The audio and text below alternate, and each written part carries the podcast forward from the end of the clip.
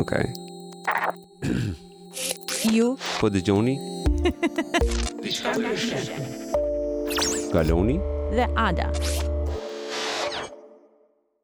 Përshëndetje të dashur miq nga unë Ada dhe nga unë Loni. Ne kemi krijuar këtë podcast dhe duam të ndajmë me ju disa tema interesante. Midis këtyre temave është gjithashtu dhe kthimi mbrapa në kohë. Dhe sot, në këtë episod do flasim për historinë e kohëmbajtjes, ndryshe, ora.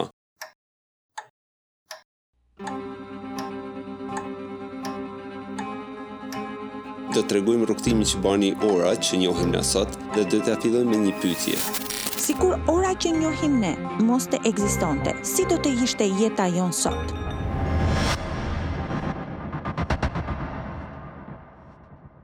E vetmja mënyrë për t'i kthy përgjigje asht të kthehena mrapa në kohë dhe të paraftyrojmë një ditë të zakonshme të njerëzimit. Atëherë do të krijojmë një skenë të thjeshtë, për ta kuptuar dhe më mirë se si kanë funksionuar orat ose më mirë të themi se si janë zbuluar orat. Le të themi që kemi dy vëllezër që nisen në mëngjes për gjueti. që të dy për gjueti të ndryshme dhe në vende të ndryshme dhe dojnë të kthehen mbrapa në shtëpi për drekë, por duhet që të takohen në një rrugë të përbashkët, rreth një orë përpara se të shkojnë në shtëpi. Pa pasur një pajisje për të mbajtur kohën, si kanë për t'u takuar bashkë një orë përpara drekës? Ky është një problem që njerëzit e kanë. E kanë pas dhe do ta kenë gjithmonë. Thjesht nuk dimë të tregojmë sa shpejt koha kalon. Por mos të harrojmë se dikur njerëzit kanë kenë ma të lidhun me natyrën se sa jena na sot. Për ta e vetmja mënyrë për t'tregu orën ishte duke u bazu me lëvizjet e diellit, hanës dhe yjeve. Duke mësu këtë i ka ndihmu që të jenë ma të orientu me kohën.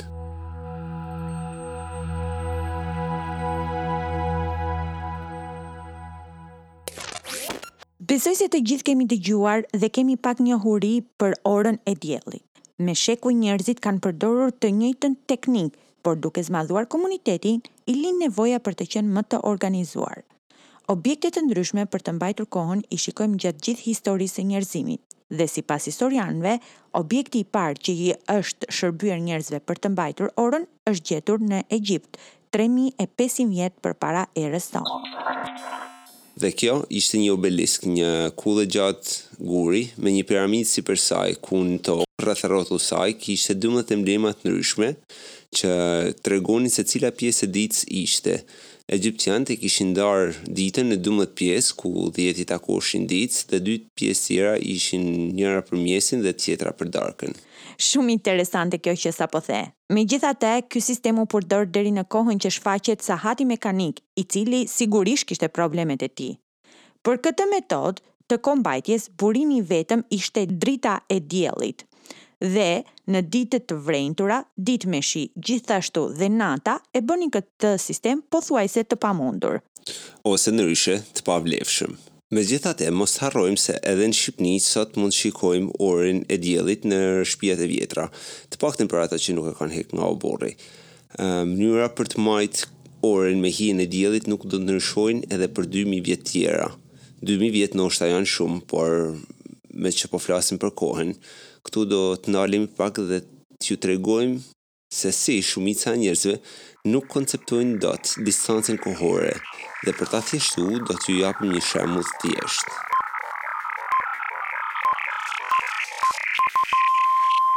Kur mendojmë për romakët, mendojmë se sa e gjatë është koha që ata kanë ekzistuar.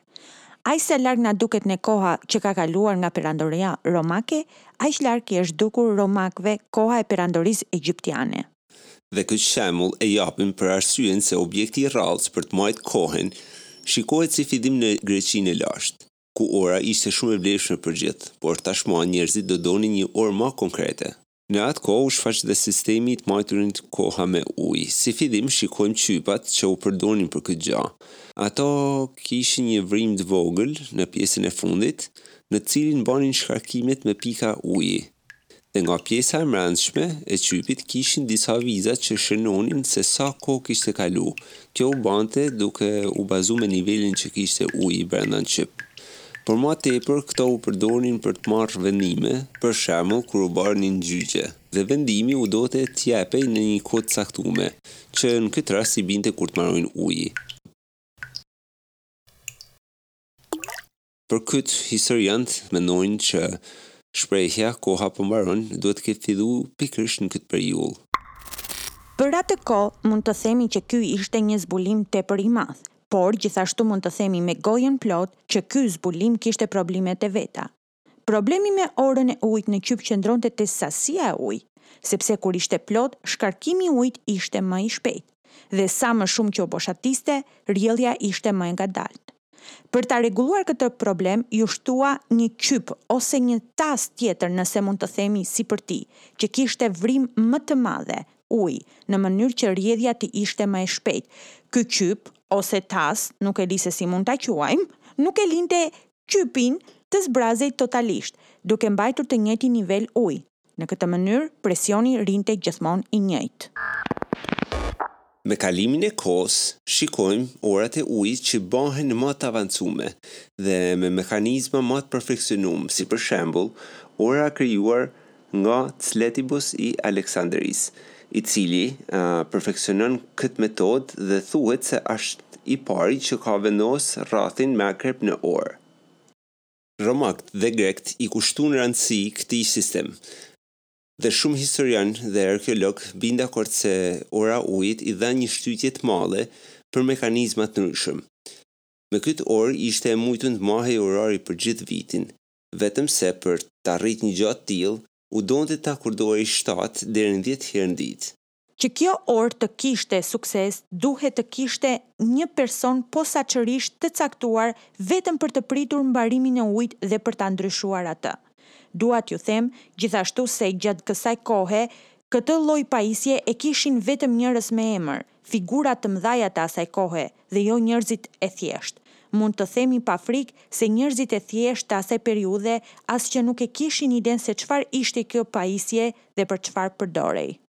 Megjithëse ky ishte zhvillim i mahnitshëm për atë kohë, fatkeqësisht informacionet nuk qarkullonin aq shpejt se sa qarkullojnë sot. Këtë gja e shofim thjesht sepse në të njëjtën periudhë në Kinë u mbante orari në mënyrë krejt ndryshe, që ishte ora qiriut. Nuk i dihet krejtësisht kur dhe kush e bani orën e qiriut, por atë që dimë është se është parë në disa ilustrime dhe përmend në disa poema kineze dhe çuditërisht edhe kjo punote me numrin dymbëdhjetë. Mendohet që ndarja e ditës në dymbëdhjetë pjesë vjen nga babilonezët dhe sumerianët, që mbledhjen dhe ndarjen e numrave e bënin duke numëruar katër gishtat e dorës. Çdo gisht e ndanin në tre pjesë të gjymtyrëve, duke i bërë më të kollaj ndarjen e numrave. Kjo mënyrë llogaritje ishte shumë me avantazh për sa i përket ndarjeve, sepse me numrin dymbëdhjetë fraksionet bëhen me më shumë numra sesa me numrin dhjetë.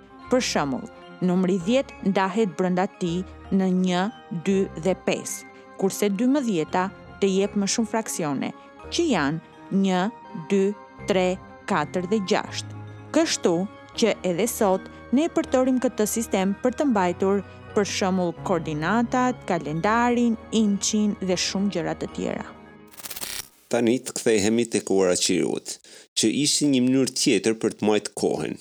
Siç e dimë, qiriu merr një kohë ma të gjatë për t'u djeg, se sa i merr një qypit për të shkarkue ujin që ka n'të. Kështu që bante një orë që koha të mbahej për një periudhë ma të gjatë. Duket që këto avantazhe kishin shumë sukses për atë kohë dhe njerëzit e atëhershëm e përdorën qiriun në mënyra të ndryshme. Si fillim, shikojmë një qiri që kishte shënja të shënuara gjatë tij, duke bërë që të shikojë se sa shumë kohë kalonte. Shpeshherë, dylli u shkrinte dhe binte mbi shënjat e caktuara dhe, për ta shmangur këtë problem, numrat vendosen afër qiriut në një shufër metali dhe kalimi i orës u mbante me lartësinë e qiriut. Ky sistem u përdorte dhe si timer. Kjo gjë gjithashtu u bënte duke vendosur dhe një gozhdë në të, dhe kur dylli u shkrinte, gozhda binte në tavëll duke sinjalizuar mbarimin e kohës. Me kalimin e viteve, mendohet se ardhja në Evropë e kësaj ore ishte nga arabët, që kuptohet e kishin marrë nga aziatikët. Arabët u kanë mjeshtër të bames së qiriut, vunë re se në qoftë se marrin qiri të bame me dëndësi të ndryshme dylli dhe me tipa fitilash të ndryshëm, mund ta kontrolloshin djegien e tij në një kohë të caktume. Kështu që arrijnë të bajnë dymbëdhjetë qiri, ngjitur me njëri tjetrin, dhe në këtë mënyrë mund ta t'i ndeshin gjithë përnjëherë, duke ba që të matshin kohën për njëzet e katër orët e ardhshme. Megjithëse kjo metodë kishte zgjidh shumicën e problemeve, nuk kishte zgjidh problemin kryesor që kishin lundruesit. Këta kërkonin të kishin një orë më precize. E vërteta është se lundruesit u banë shkak për të pas një orë disi mekanike, sepse deri në atë periudhë kishin vetëm orën e diellit, që nuk bënte për anije sepse ishin gjithmonë në lëvizje. Orën e ujit, As kjo nuk bënte, sepse lëkundjet nuk e lejonin ujin që të rrinte në nivel. Dhe orën e qiriut. As kjo nuk do të funksiononte, pasi lëkundjet do t'i rrëzorshin qirinjtë duke bërë që e gjithë anija të kapej flakë, dhe era në det ishte shumë e fortë për ta mbajtur qiriun ndezur. Kështu që mbas shekullit tetë shofim lundruesit duke mbajt orën me orën e ranës. Edhe kësaj origjina ekzakte nuk i dihet, por disa mendojnë se prejardhjen e ka nga një murg me emrin Luitprand, kurse disa tjerë thonë që prejardhjen e ka nga Egjipti. Kjo orë, megjithëse duhej të kthehej shpesh nga një krah në krahun tjetër, ishte ma rregull për udhëtimet me anije. Nuk ishte njëqind për qind e saktë, por tetëdhjetë, nëntëdhjetë për qind ishte e mjaftueshme për udhëtime të tilla. Problemi me kët tetëdhjetë nandhjetë për qind saktësi ishte se sa ma i gjatë të ishte udhëtimi, aq ma i ultë do ishte saktësia e saj dhe kjo bani që shumë anije që u nisnin për rrugë të gjata, të humbisnin rrugën dhe të mesnin midis oqeanit ose duke u përmyt për mos u gjet ma. Të përmendim se kjo periudhë ishte kulmi i tregtisë dhe udhëtimeve detare dhe kjo bani që shumë shtete të fuqishme të jepnin çmime atyne që do të krijonin një orë të saktë vetëm për të zgjidhur këtë problem. Kaluan plot dy shekuj që të shikojmë për herë të parë orën mekanike, atë që ne njohim sot. Kjo orë u krijua nga Papa Silvestër i Dytë dhe e shikojmë që shfaqet si fillim në disa katedrale të Italisë. Pastaj, ora mekanike shikohet në të gjitha qytetet e Evropës, dhe në shekullin e katërmbëdhjetë, të gjitha qendrat kishin një orë të tillë. Gjithashtu kjo orë punonte duke lëvizur pesha të ndryshme dhe jo lavjerrësin, dhe kishte një precizion rreth minus plus njëzet minuta në ditë. Për avancimin e mëtejshëm të orës mekanike duhet të falenderojmë Galileun, me studimet e tij ndaj lavjerrësit. Dhe këtu du që të ndalem prapë për t'ju tregu se si lindi ideja e lavjerrësit. Sipas Vincenzo Vivianit, një student dhe biograf i Galileut, thotë se Galileu ishte shumë i ri kur prindërit e merrshin me vete në kishë, pikërisht në katedralen e Pizës në Itali. Atij i kishin ba përshtypje llampadarët e kishës, jo për bukurinë dhe madhështinë e tyne, por për mënyrën e lëvizjes që banin ato. Ai kishte vu re se llampadarët e vegjël ashtu edhe si ato të mdhajtë, u lëkundshin me të njajtin ritëm, edhe pse pesha e tyne u dukte qartësisht se kishte diferencë të madhe. Kështu që Galileu filloi të eksperimentonte me disa gurë dhe spango, dhe ato gjëra që vinte re në kishë, mundonte që t'i realizonte me eksperimente të tilla. Gjatë këtyre eksperimenteve, vuri re se lëkundjet që bënin objektet nuk ndryshonin nga pesha e objektit, por nga gjatësia e spangos ose e telit që ai kishte në të. Kjo bëri që në këtë mënyrë të caktohej një ritëm duke u bazuar në gjatësinë e telit dhe jo në peshën që u vendoste poshtë saj. Gjatë këtyne kërkimeve, ai përballohet me një dilemë. Si ta dinte sa rregullt ishte lëvizja e lavjerrësit kur nuk kishte një aparaturë ta mbaste ritmin?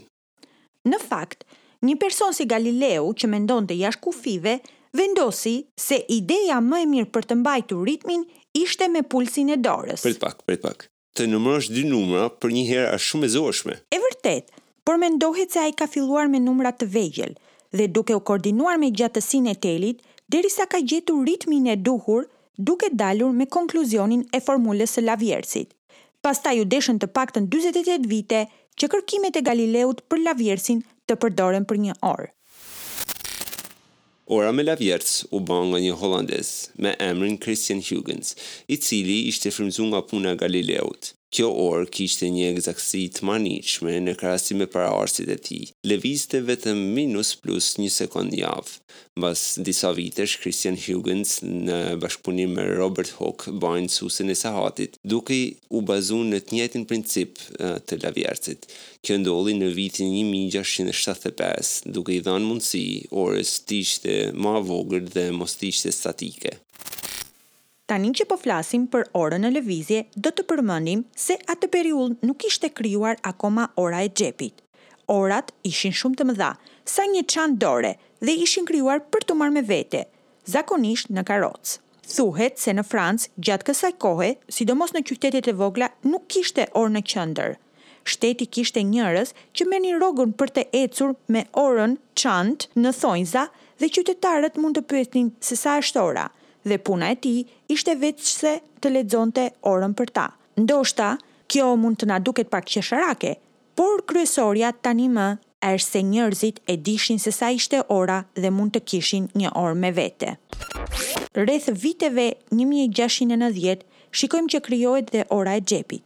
Kjo e fundit u mbante më tepër nga aristokratët dhe ishte një aksesor që shtresat e larta e mbashin edhe për të treguar se sa të pasur ishin. Kjo pak a shumë ngjan siç kemi veturat luksoze sot. Po, Por ngaqë ishte fillimi i industrializimit, shumë fabrika i kërkuan për punëtorët e tyre dhe ora u bë si një vegël pune që çdo punëtor duhet të kishte, kështu që ora e xhepit hapet në të gjithë botën, kurse ora e dorës shfaqet në Luftën e Parë Botërore, që bëhet nga një sahaxhi i famshëm i asaj periudhe në Francë i quajtur Cartier. Në fakt, ideja për të ba orën e dorës nuk ishte nga Cartier, por nga një shok i tij, i cili quhej Alberto Santos, një pilot i ushtrisë franceze, dhe gjatë fluturimeve që ai bante, nxjerrja e orës nga xhepi ishte pothuajse e pamujtur. Prandaj i kërkon Cartierit që t'i bante një rryp për orin që ta mbante në dorë. Nuk kalun shumë ditë dhe tek dyqani i Cartier fillojnë të shfaqen pilotë të tjerë që kishin pa avantazhet që ky stil i ri të majtunit ore i jepte. Dhe kështu fillon fama e orave të dorës nga Cartier. Atë që dimë është se ora e dorës fillimisht përdoret nga ushtarët e Luftës së Parë Botnore, sepse gjatë luftimit kjo orë ishte shumë praktike për t'u përdor. Ora e dorës kishte diçka të veçantë, sepse duhej të kurdisej gjatë ditës. Megjithatë, ora akoma nuk kishte arritur precizionin e duhur. Ky precizion erdhi nga vitet një mijë e nëntëqind e tridhjetë me kristalin kuarc. Ishin dy vëllezërit francezë, Jacques dhe Pierre Curie, që vunë re që ky kristal kur vihej nën presionin e rrymës elektrike vibronte në një ritëm tmerrësisht të shpejtë dhe të saktë, që ishte tridhjetë mijë lëkundje në sekondë. Kjo bëri që saktësia e orës tashmë të ishte vetëm disa sekonda në vit. Pikërisht këtu shofim të hapet një faqe e re për teknologjinë. Saktësia e orës bëri që të shfaqet dhe kompjuteri, dhe ky i fundit do të punonte dhe të bënte llogari me milisekonda. Gjithsesi, ishte lufta e ftohtë mes Amerikës dhe Bashkimit Sovjetik ajo që i dha formën përfundimtare orës. Përparimet në shkencë të asaj periudhe ndaj bombës atomike dhe hapësirës kërkonin një mbajtje kohe tmerrësisht precize, dhe llogaritjet duhet baheshin me milionat e sekondave. Këtu u fut në lojë ora atomike, që është mënyra se si mbahet ora për gjithë botën sot. Ora atomike është një aparaturë që mat frekuencën e një atomi të quajtur cesium. Lëvizja e frekuencave të tij përcakton se sa është një sekond që i bie të jetë. Nëntë bilionë, njëqind e nëntëdhjetë e dy milionë, gjashtëqind e tridhjetë e një mijë e shtatëqind e shtatëdhjetë frekuenca në sekond. Dhe saktësia e saj i bie të jetë afër minus plus një sekond në një milion vjet. Duke përdorur këtë matje, në vitin një mijë e nëntëqind e gjashtëdhjetë e shtatë, ora atomike u standardizua si ora globale nga Institucioni Internacional i Standardeve Teknologjike. Nëse nuk do të kishim këtë pajisje për të mbajtur kohën, pra orën, sot jeta jonë mund të themi që nuk do të ishte kaq e përparuar. Sepse ora është ajo që na orientoi dhe na organizoi që të ndërtonim shtatë mrekullitë e botës, të eksplorojmë gjithë planetin tonë, të fitojmë dhe të humbasim beteja dhe luftra të ndryshme, dhe mbi të gjitha, na ndihmoi të kemi një sens plus që njerëzimit i mungonte. Ndoshta në të ardhmen, ne do të jemi ata që do të krijojmë një aparatur për një sens tjetër që na mungon. Pra këtu i vjen fundi këtij episodi dhe shpresoj që të keni dëgju diçka të re sot dhe tash e mrapa kur shikoni orën, mendoni gjithmonë se ka vlerë po aq të madhe sa historia e saj.